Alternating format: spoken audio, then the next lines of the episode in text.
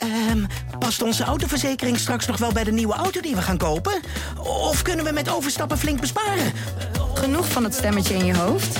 Even Independeren. Daar word je altijd wijzer van. Vergelijk nu en bespaar. Welkom bij Independer. Nou, Mark, Ja, we staan hier met z'n tweeën. gezellig. Ja, dat is eh, toch eh, iets minder eh, druk dan normaal. Nou ja, laten we gewoon beginnen. Ja, laten we dat doen. De top 2000 Agogo, Diederik Ebbingen, Galit zonder Sophie met Pieter Omzicht, De Jump, Frans Bauer en de Lage Sander Schimmelpenninck versus de Socials, de dramaserie Poli, Van Rossum en Wortel, Wortelboer, ik ga ervan stotteren, Ja, ik zou er ook eh, bang van worden. en de avondvullende avondshow over Israël en Palestina met Arjen Lubach. Dat zijn eh, de onderwerpen en dit is de AD Media podcast. Of zullen we het gewoon eh, de Mark en Manuel podcast noemen? Nou, maar ik zie nu iemand voor de deur staan. Oh, Ja, misschien moeten we gewoon binnen laten komen en dan eh, mag ze wel meedoen. ja, ze mag wel meedoen. Ja, we zijn al begonnen. Ik hoor iets van gekakel op de achtergrond, maar Hey, hey, hey, hey, hey, niet zo seksistisch. Ja, kom. Goedemiddag. Goedemiddag. hey, goedemiddag. Goedenavond, kun je ook zeggen. Oh, er wordt nu aan de microfoon gerommeld. Hallo. Hey, hallo. Oh, microfoon. Ja, ik zal de koptelefoon wel opzetten, dan hoor je ook nog doen. Abonneren op deze podcast is gratis en handig en dan ontvang je direct de volgende podcast in je app. Dat kan heel simpel via Spotify of Apple Podcasts bijvoorbeeld. Als je voor het eerst luistert, welkom. Als je vaker luistert, dan weet je dat Angela de Jong altijd te laat is. Altijd te laat is. We hebben vaste gasten.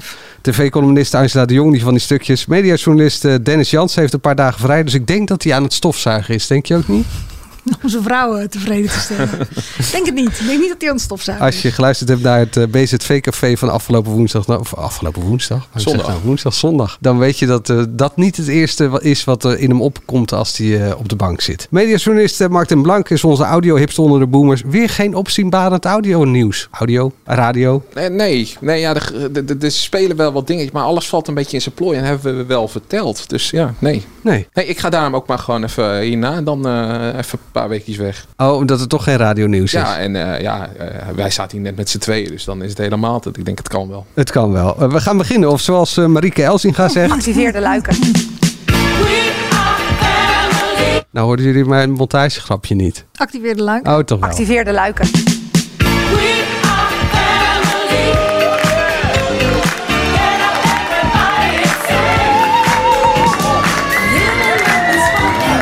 Sfeer zit er goed in. Is de laatste van het jaar. Welkom bij de Top 2000 Agogo. Snap je de link? Ja, toch? Herman van der Zand ging praten, toen snapte ik de link. Ja, eerder niet. En een hele volle bar. Iedereen heeft er enorm veel zin in. We tellen af de lijst en natuurlijk de minuten tot het nieuwe jaar, Leo. Absoluut, in een dampend café. in een restaurant. En daar betrap ik mij nu nog op. Ik krijg soms wel eens van mijn zonen ook eh, een kleine reprimande als ik eh, zit te eten. Dat ik nog steeds gewend ben om de kaart voor te lezen. Ik eh, wou vroeger DJ worden. DJ worden. Ja. Maar dat is niet gelukt om- omdat je niet kon, kon lezen? Of? Ik kon de, ik kon de namen van de, van de, van de, van de nummers niet eh, goed lezen. Weet je wat wij gaan doen? Wij gaan veel vast kijken. Alle co-assistenten willen zo snel mogelijk weg bij de kuttenpolie. Bij de wat? De kuttenpolie. Ik doe even wat ademhalingsoefeningen. Kan je gewoon ademen terwijl je werkt? Ja, straks gaan we het over die dramaserie De Poli hebben. Maar eerst eh, Frans Bauer had de aftrap van zijn nieuwe programma over laaggeletterdheid. Leven zonder letters. Kunt u iets vertellen erover? Ja, Geliet, dat eh, kunnen ze sowieso. Daar worden ze voor ingehuurd in deze podcast. Wat vonden jullie ervan? Dat is een betere vraag. Fantastisch. Ja? Ja. Of zeg je dat cynisch? Nee, helemaal niet. Helemaal niet. Nee. Ik begon gisteravond bij Frans Bauer, die bij eh Sofie aan tafel zat. En toen raakte ik al continu geëmotioneerd eh, door de verhalen van de mensen die daar ook zaten, die zelf laaggeletterd waren. Maar ook wat hij vertelde over zijn eigen jeugd. Dat wist ik wel, dat hij de ondertitels van Dallas voor zijn moeder moest voorlezen. Maar ze liet ook een foto zien van zijn zoon. Die is cum laude afgestudeerd. In de fiscale, fiscaal recht geloof ik, Ja. cum laude hè, afgestudeerd. Bachelor, En eh, ja.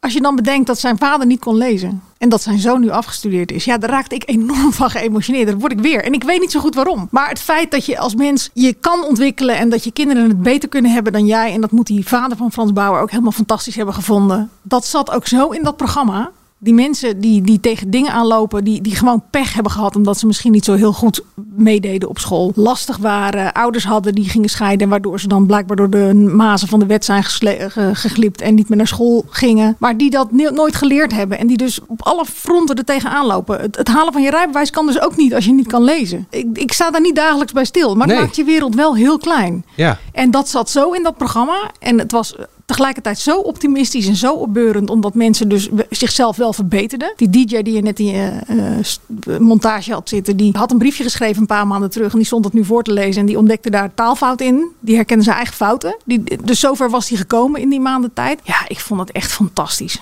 Dus echt Frans Bauer en echt NPO. Echt NPO, echt Frans Bauer. Eh, hier merk je dus dat een programma wat helemaal uit de diepste wezen van een presentator komt. Wat echt iets doet bij hem, dat dat zoveel meerwaarde heeft. En dat hij precies de goede toon heeft. Nou ja, hij hoeft maar naar iemand te kijken die iets zegt. En hij prikt er moeiteloos doorheen. En hij ziet aan die ogen wat ze dan denken. En ja, ik vond het echt eh, nou ja, ontroerend. Mark? Nou ja, en je zag ook bij die DJ oprechte vreugde. Dus eh, op, op het einde van de aflevering was hij meegegaan met, met het feest-DJ Ruud, geloof ik dat het was.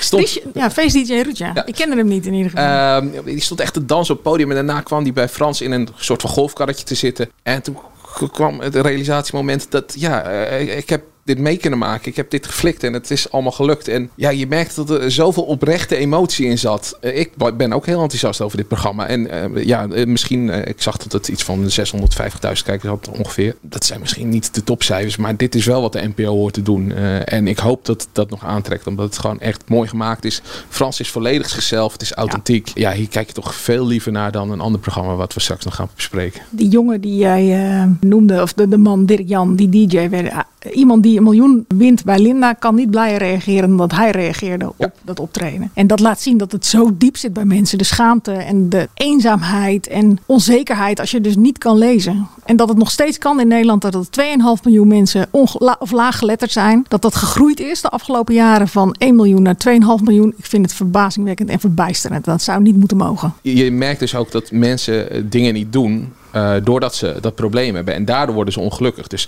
het is niet per se eh, dat ze laaggeletterd zijn en daardoor niet gelukkig genoeg. Maar ze, ze ontzeggen zichzelf dingen. En dat is of uit schaamte of gewoon door simpelweg niet kunnen. Eh, terwijl ze daar wel gelukkig van zouden worden. Dus ja, ik vind het echt heel mooi wat eh, Frans hier doet.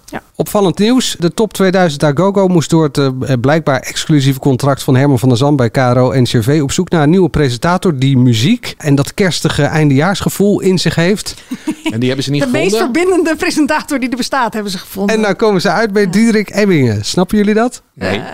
Nee, ik zou hem ook niet op mijn lijst. Ik denk niet dat hij in mijn top 10 zou staan van mensen die daar geschikt voor zouden Misschien de associatie eindejaar, oliebol en dan...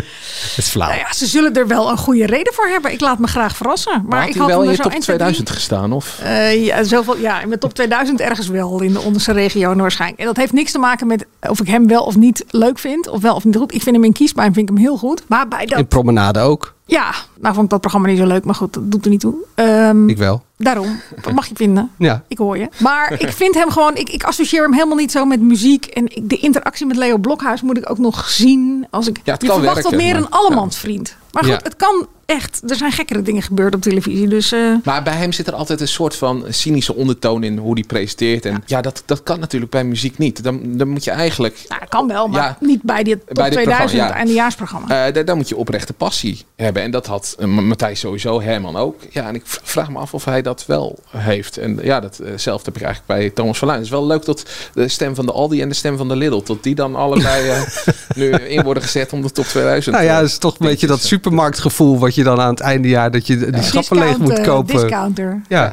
Nou ja, die programma's zijn letterlijk in de aanbieding gegaan.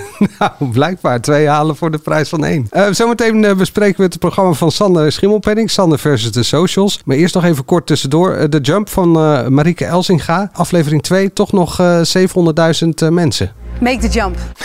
Ja, ik heb medelijden met die 700.000 mensen die dat hebben uitgezeten vrijwillig. Ik heb gekeken omdat ik vond dat ik de tweede aflevering moest zien, maar ik heb het in het einde niet gehaald. Weet je waarom ik heb gekeken? Nou, Om te kijken of ze weer hetzelfde pak aan had. En dat had ze. Dat was dat had ik al gezien in de voorstukjes van komende zaterdag. Nee, maar eh, we hadden het vorige week wel even over het niveau. Nou, deze week was het niveau van de kandidaten geloof ik nog lager. Ze kwamen niet verder dan de zesde, zesde linie of zo van dat hele... Ja, ik vind het zo stomzinnig. Maar goed, er is een publiek voor, RTL-publiek kennelijk. Ja, en eh, wa- wat opviel, eh, er ging geen enkele prijs uit. Nee, Ja, iedereen sneuvelde bij de zesde.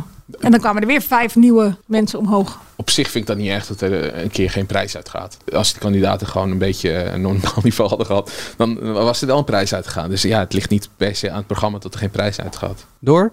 Ja, genoeg over gezegd toch? Eerder deze week was eh, Pieter Omzicht te gast bij Galit eh, zonder Sophie. Kunt u iets vertellen erover? Nou, Angela. Nou, mag ik eerst even vragen, eh, waarom zat zij tegenover Galit en niet tegenover Sophie? Hij. Hij.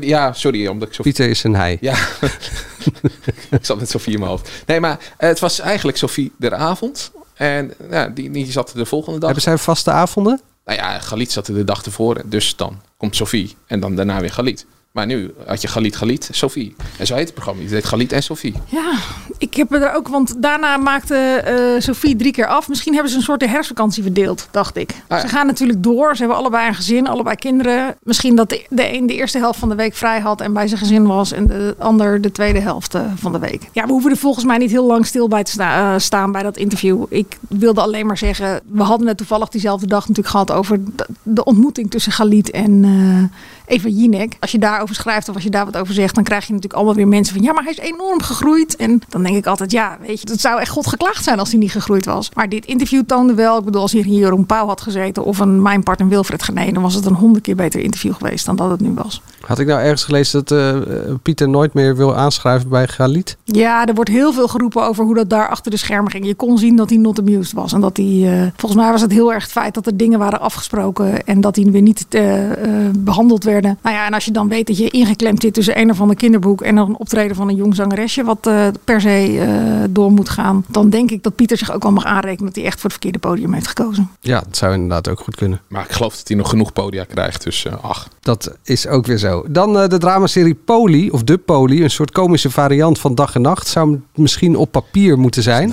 Eh, naar een idee van Jelka van Houten en Suzanne Visser. Wat wil je zeggen? Ja, nou ja. ik- Steek je hand op. Ja, ik denk, ik denk ik zal even. Zitten niet in de klas, hè? Ja, ja, ik, ik heb dat zitten kijken omdat eh, ik hoorde dat dat een miljoen kijkers had gehaald. Eh, de, de eerste eh, aflevering, dat was na college tour met het lijsttrekkersdebat. Dus het was een beetje te verklaren waarom... En uitgesteld erbij, toch? ja, hij bent uitgesteld. Ja. Dus Nou, waarom er- nog veel. ja, maar waarom er veel. veel belangstelling was. veel. Dus ik denk ik ga dat kijken. Gewoon, is het leuk? Het was gewoon niet om aan te zien, joh. Dit- Het, het was flauw, het was plat, het was slecht geacteerd, het was overacting. Nou ja, Angela, ga, ga je gang. zeg, Ja, zeg jij wa- maar, wat is het verschil met Dag en Nacht dan, Angela? Nou, het is een verschil van dag en nacht. Het is een, juist, dat zeg je heel goed. Maar het is een- jij was ook gek van die dramaserie, toch? Ja. Dag en Nacht. Ja, Fantastische mooie serie, serie. op ziekenhuisvloer waar ook humor in zat. Een beetje vergelijkbaar met Oogappels. Maar goed, het wel en wee. En je kreeg daar... Het, het was ontzettend maatschappelijk drama. Want je kreeg echt de druk in de zorg kreeg je mee. En de, hoogspanning waar het personeel onder staat. En de, en enorme de passie. druk, de passie waarmee ze het doen. Iedereen zet toch maar weer even zijn, eh, een tandje bij. En die draait nog een extra dienstje als dat moet. Dat was echt fantastisch. Ik bedoel, Kim van Koten was geweldig. Echt zo'n personage waar je meteen van ging houden. Die in het rijtje Arnie, eh, zuster Reinie, nou ja, noem ze allemaal maar op Oh, eh, Arnie kan. is wel echt een... eh, Arnie is een buiten categorie, ja. Nee, Arnie is een icoon. Zus Reinie is een icoon. En ook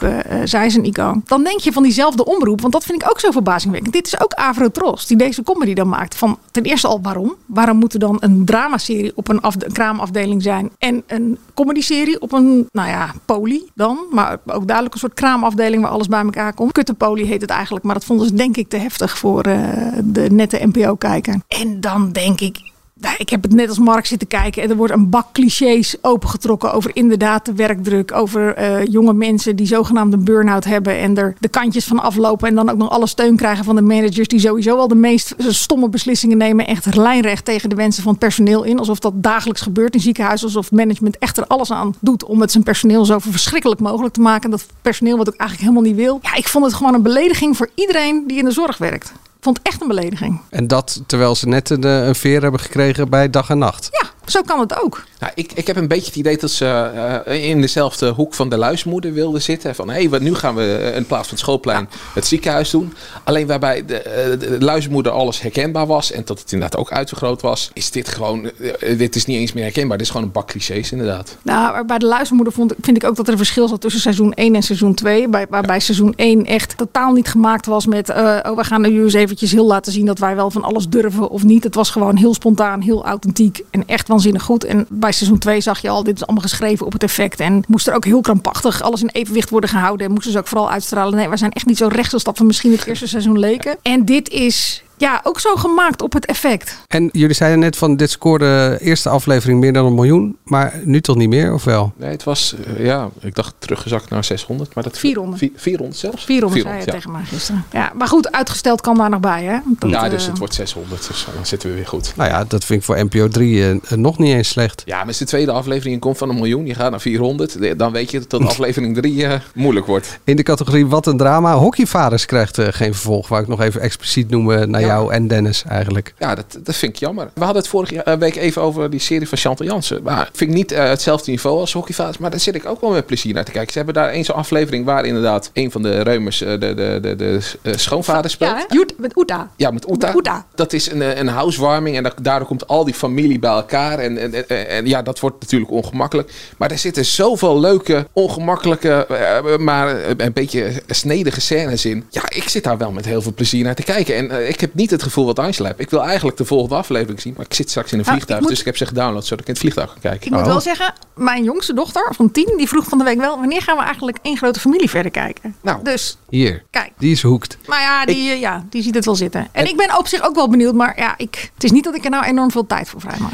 En Dennis is er nu niet bij, dus nu kan ik het helemaal. Ik vind Chantal Jansen echt fantastisch in die serie. Echt. Omdat eh, zij kan het eh, onderkoeld zeggen. Al die dingen, al, al die, die, die opmerkingen die, ja, die, die je als moeder denk ik wel eens denkt, maar niet altijd zegt. Die zegt ze allemaal. niet altijd zegt. ja.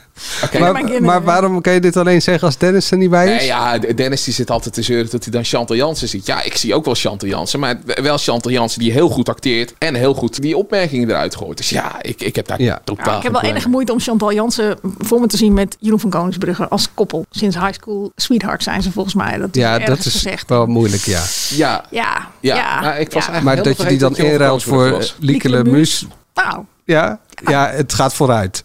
Laten we het daarbij houden. zeker. Ehm, eh, dit is een nieuwe knap, ik vooralsnog. heb hem een eikel genoemd, maar wel een knappe eikel in een van mijn columns. Oh, nou. Ja, Dat sloeg op zijn rol als Ja, Bart. in de herfst 30. kan het best een, een eh, pluim zijn. Eh, een nieuwe vooralsnog eenmalige categorie. eh, of een, ja, een, een programma-onderdeel. Mark den Blankes etalage. Oh, nou, hey. Welk, welk programma wil jij een pluim geven, Mark? Een etalage. Etalage. Ja, ik heb nog geen vormgeving, sorry. Eh, ik denk dat jij het doelt op, want dit hebben we niet voorbereid. De, de avondshow?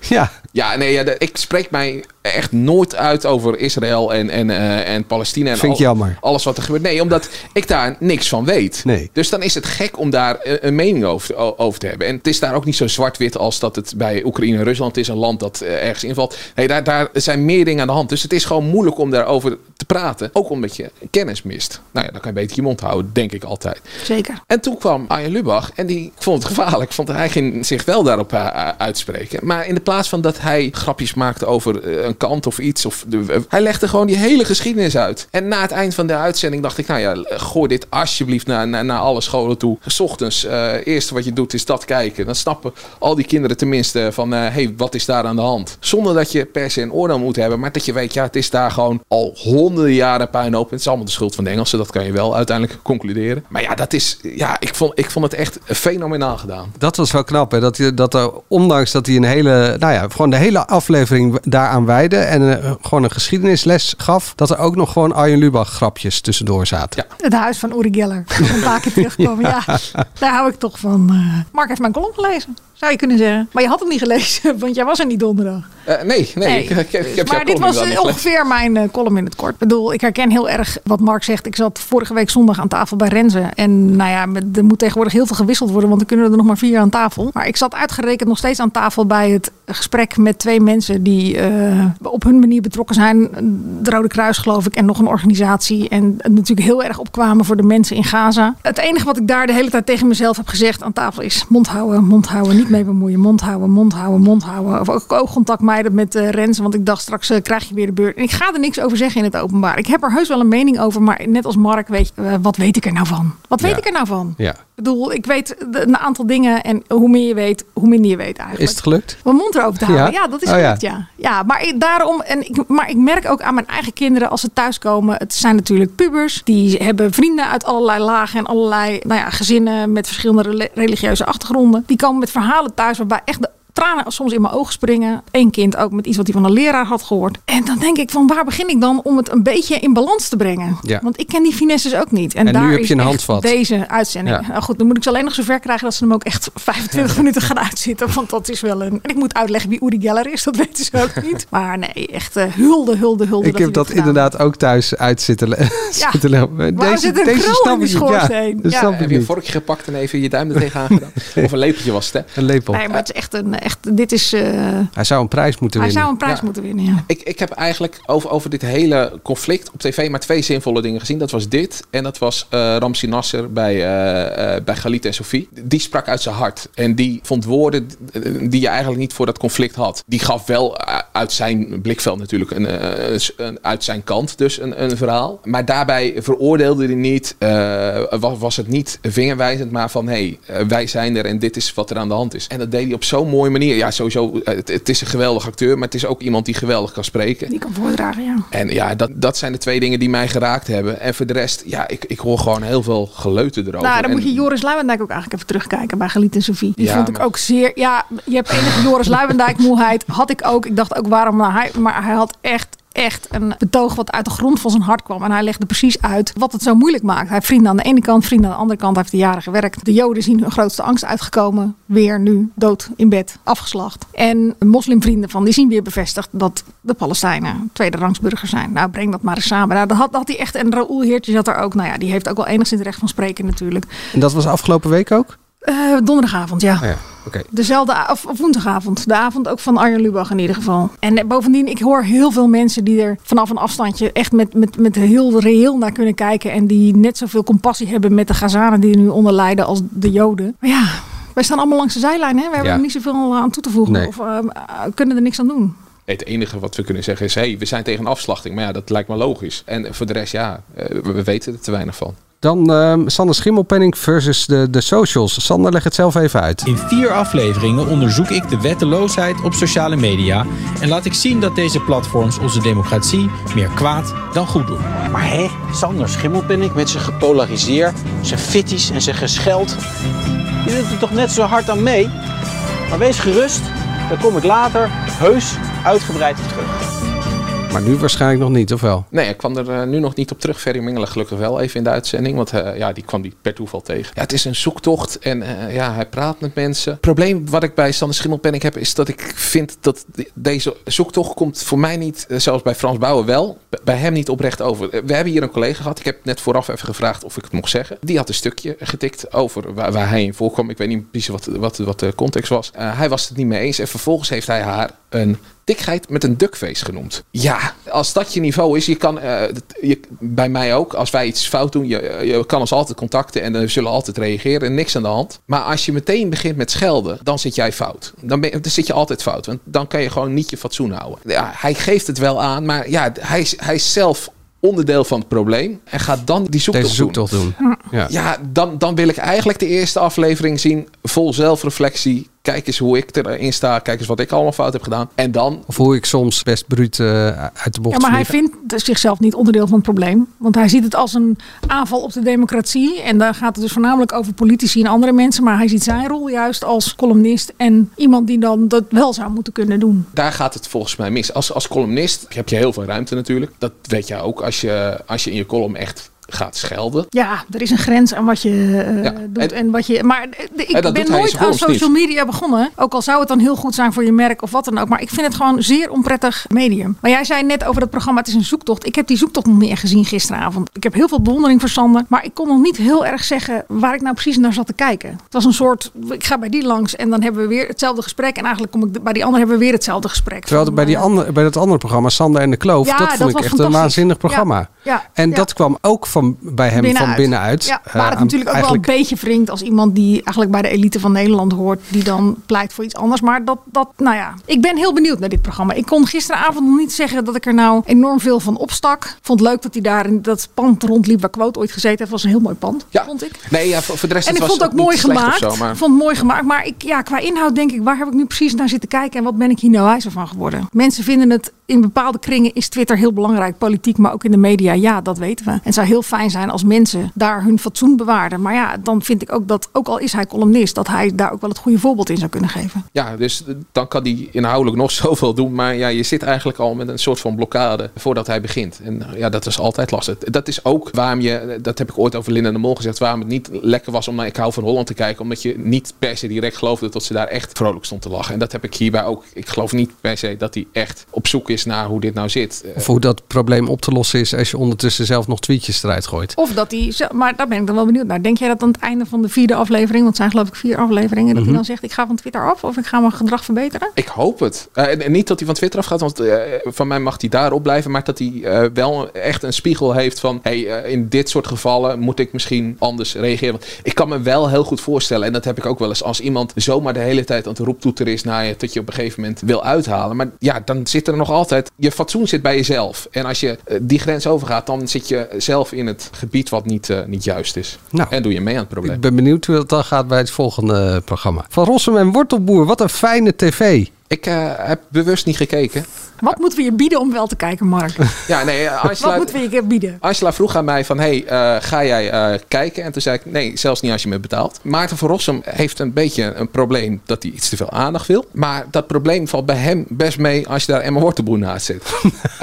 Eh, dus ik heb al gezegd, ik ga niet meer over Emma Wortelboer hier praten. Dus ik, ik hou ook nu verder mijn mond. Angela heeft het gezien en eh, dit is het. Ja, ik vind het. Ik, ik snap gewoon niet. Ik heb, heb- mag Maarten van Rossum heel erg graag. Ik heb hem hoog zitten. Ik hoor hem graag aan uh, talkshowtafels over welk onderwerp dan ook. Over eh, Rusland, over Amerika, eh, noem maar op. Want ik eh, geloof echt van harte dat die man heel veel weet. Maar dit programma.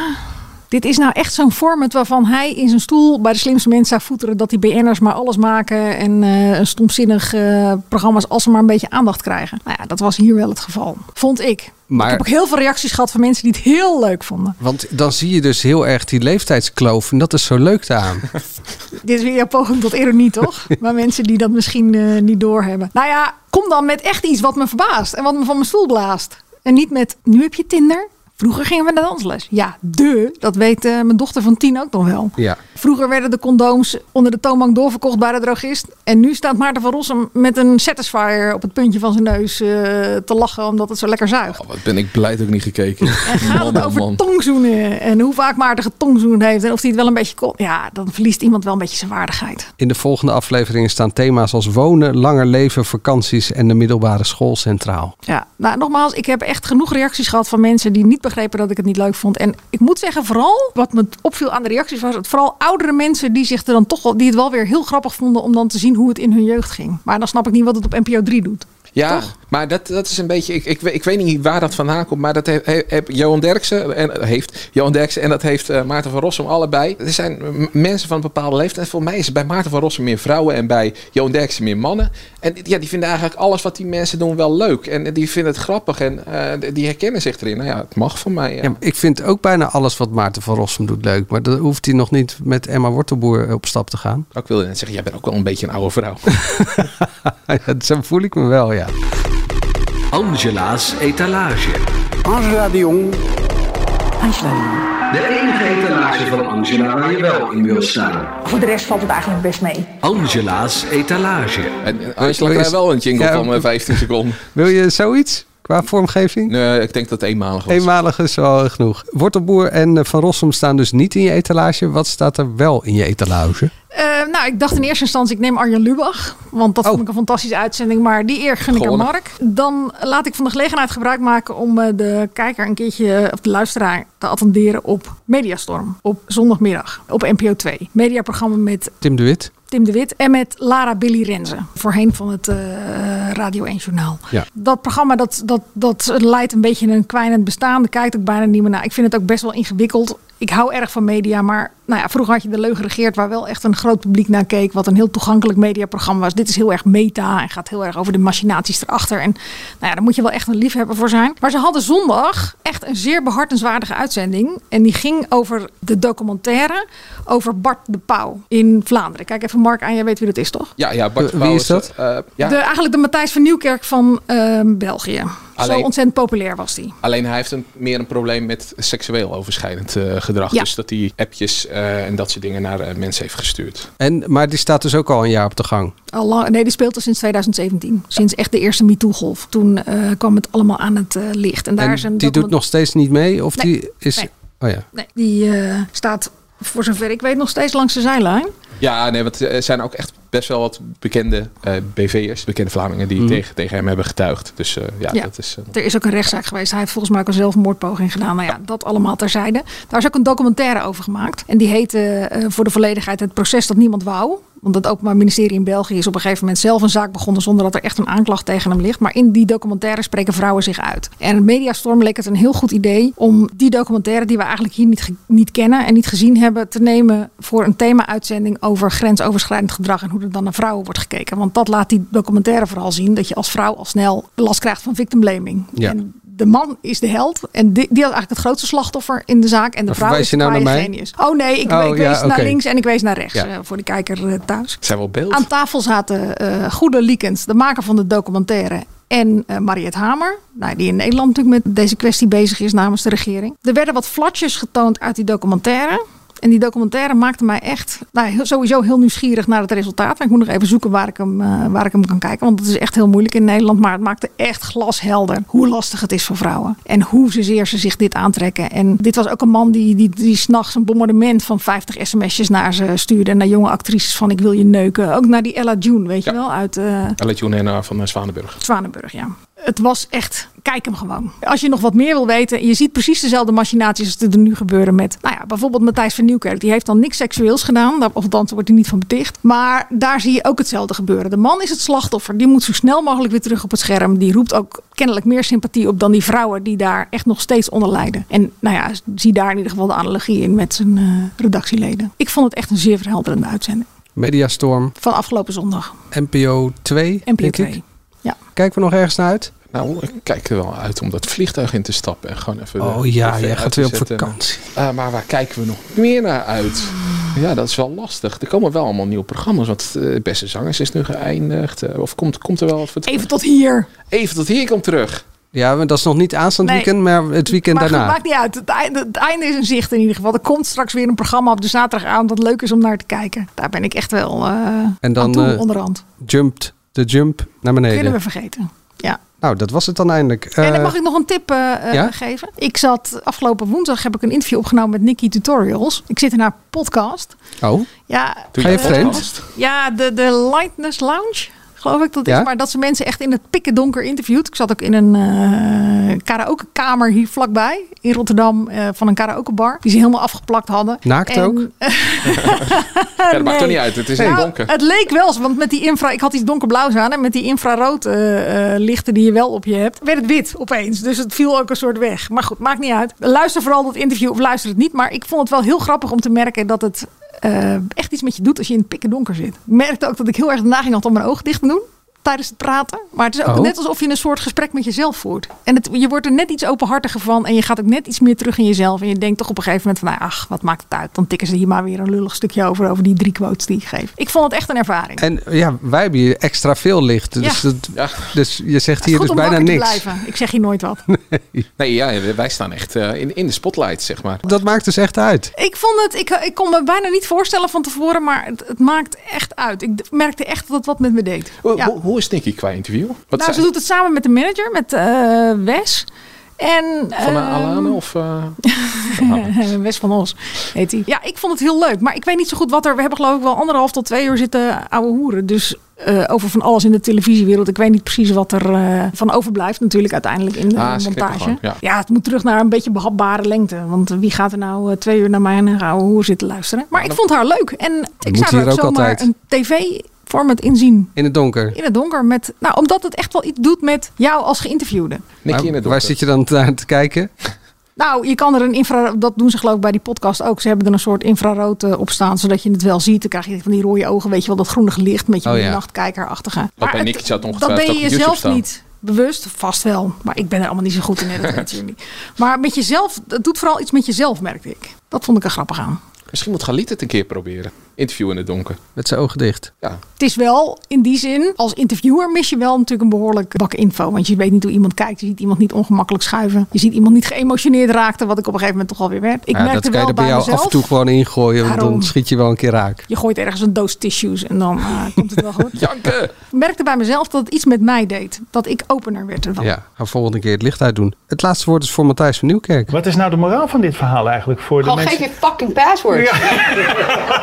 Motherfucker. Ja, dat, was, eh, het- dat stond gisteren, kwam dat opeens bij Anouk op de eh, Instagram. Omdat zij eh, aanstaande vrijdag haar nieuwe album eh, presenteert. Of nee, ja, dat heeft ze gisteravond gepresenteerd. Maar aanstaande vrijdag komt het officieel uit. Ja, want eh, hij heeft eh, de albumpresentatie gedaan. Dus daar heeft hij eh, dat, de boel gewoon aan elkaar gepresenteerd. En hij heeft ook nog een interview met Anouk gedaan. En het interview dat krijgen we vrijdag te zien, begreep ik. Ik dacht woensdag, man. Dat interview krijgen we ook woensdag Nee, te zien. nee, misschien heb ik het helemaal mis hoor. Ik weet het niet. Dat interview krijgen we ook nog te zien. Een keer. Snappen jullie deze keuze? Het is gewoon slim, marketing. Mm, ja, zou kunnen. Maar ik, ik had toch gewoon nog even gewacht. Zowel als Anouk als Matthijs tot het, interview er, tot het onderzoek er ligt. Maar goed, we, we zijn gewoon getuigen van een terugkeer in bepaalde stappen. Een interview.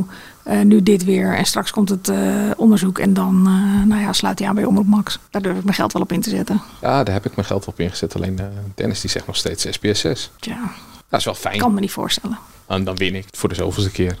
Eigenlijk altijd. Vond je dit nou een leuke podcast zonder Dennis? Geef ons dan even een duimpje in je favoriete podcast app. Abonneer je, dan krijg je als eerste een verse podcast. We zitten op Instagram, AD Media Podcast. Mag je alles naartoe gooien. Nou ja, niet schelden, hè. dat is dan... eh, Nee, ja, de fatsoensnormen. ja, ook niet als je Sander Schimmelpenning eet. Nou, dan mag het wel. Oh, dan mag het eh, wel. Dat is de uitzondering. Die mag dan bij ons wel schelden. Voor het laatste media nieuws ga je natuurlijk naar ad.nl slash show. En ben je even klaar met media, wat dan? Dan, eh, dan kan je op vakantie gaan. Ja, je kan dus gewoon in een vliegtuig stappen. Oh, je hebt geen vliegtuigschaamte? Nee, ja, je kan ook een bus pakken. Maar ja, dan ben ik twee dagen onderweg. Dat vond ik iets te veel. En dan eh, ga je gewoon Portugal. Jij niet eh, tot volgende week? Jij wel? Dus gaan we weer op vakantie. Echt Ja, ongehoord. die kinderen. Nee hoor, Mark, geniet ervan. Ik doe geen zomervakanties. Dat is gewoon gek. Waarom zou je met z'n allen tegelijkertijd op vakantie gaan? Dan zit je met z'n allen op elkaar. En, Ja. en, en dan, ja. Omdat je kinderen naar school moeten. Ja, maar wie neemt er nou kinderen? Dat is pas vervuilend. Dat is inderdaad echt... Kan ik lekker van vliegen? Ik heb kinderschaamte. Echt? Nee. Nee. Je schaamt je wel eens voor je kinderen. Maar Dat wel, maar nee. Trouwens niet tot volgende week, tot zondag. Want dan is het BZV-café weer geopend om alle liefde, ongemak en keuzestress bij elkaar te harken. En na te praten over de aflevering van Boer Zoekt Vrouw. Zondagavond, direct na Boer Zoekt Vrouw, is het café geopend. En dan eh, ga ik rond kwart over negen dan ongeveer de barkrukken alvast eh, klaarzetten. Ja, leuk. Ik merk dat ik het leuker vind worden nu dit seizoen. En ik merk ook dat het wat meer gaat leven. Dat vind ik ook wel leuk eraan. Wat waren de cijfers eigenlijk 1,6 afgelopen? miljoen. Oh, dat is weer minder. Ja, maar dat is zonder uitgesteld kijken. Hè? Dus het zal wel weer Twee over de twee gaan. Nou, Maar er is iets geks met die kijkcijfers, toch? Ik vind er echt iets geks in zitten. Nou ja, het valt vooral. Ja, dan gaan we even een bonusaflevering doen. Ja, nee, het valt vooral op dat eh, de kijkers bij SBS 6 dat die in de, in de lift zitten. Dus de programma's die er al waren, die krijgen net iets hoger bij SBS. En de NPO, één kijkers, die worden net wat minder. Dus het lijkt wel alsof ze een paar oude vandaagjes eh, om hebben gelegd. Of gewoon geen kastje hebben gegeven. Dat de doelgroep die bij SBS kijkt, dat die wat groter is geworden. maar het is niet alleen NPO 1. Eus scoorde ook altijd hoger met zijn eh, programma's, Turkije-programma's. Die hebben Ja, ook niet. Ru Dr. Ruben, die was met. Nou, oké, dit is niet China, wat altijd goed was voor stevast een miljoen, maar nu 400.000 op zondagavond. Ja, eh, vind ik ook gek. Ja, maar dat zeg ik dus. De, de, de oude doelgroep lijkt wel kleiner te zijn dingen. geworden. En dat is natuurlijk wel voordeliger. Want je wil altijd zeggen tot, tot je meer jongere kijkers hebt. Nou, als je gewoon minder oude kijkers in, die, in je doelgroep hebt. Dus dan lijkt het alsof er meer jongeren tv kijken. we hebben in de DM van de eh, Instagram van het eh, AD Media Podcast hebben we nog een, eh, een volger die eh, een kastje heeft. Moeten we daar nog eens een keer wat mee doen? Ja, ik weet wel dat jij toen hebt gereageerd dat je heel graag wilde dat hij hem afstemde op show niet.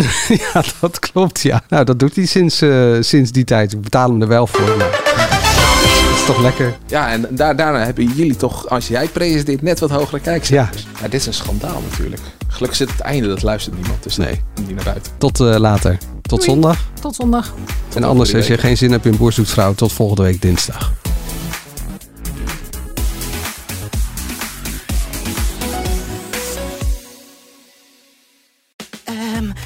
Onze autoverzekering straks nog wel bij de nieuwe auto die we gaan kopen? Of kunnen we met overstappen flink besparen? Genoeg van het stemmetje in je hoofd? Even Independeren. Daar word je altijd wijzer van. Vergelijk nu en bespaar. Welkom bij Independer.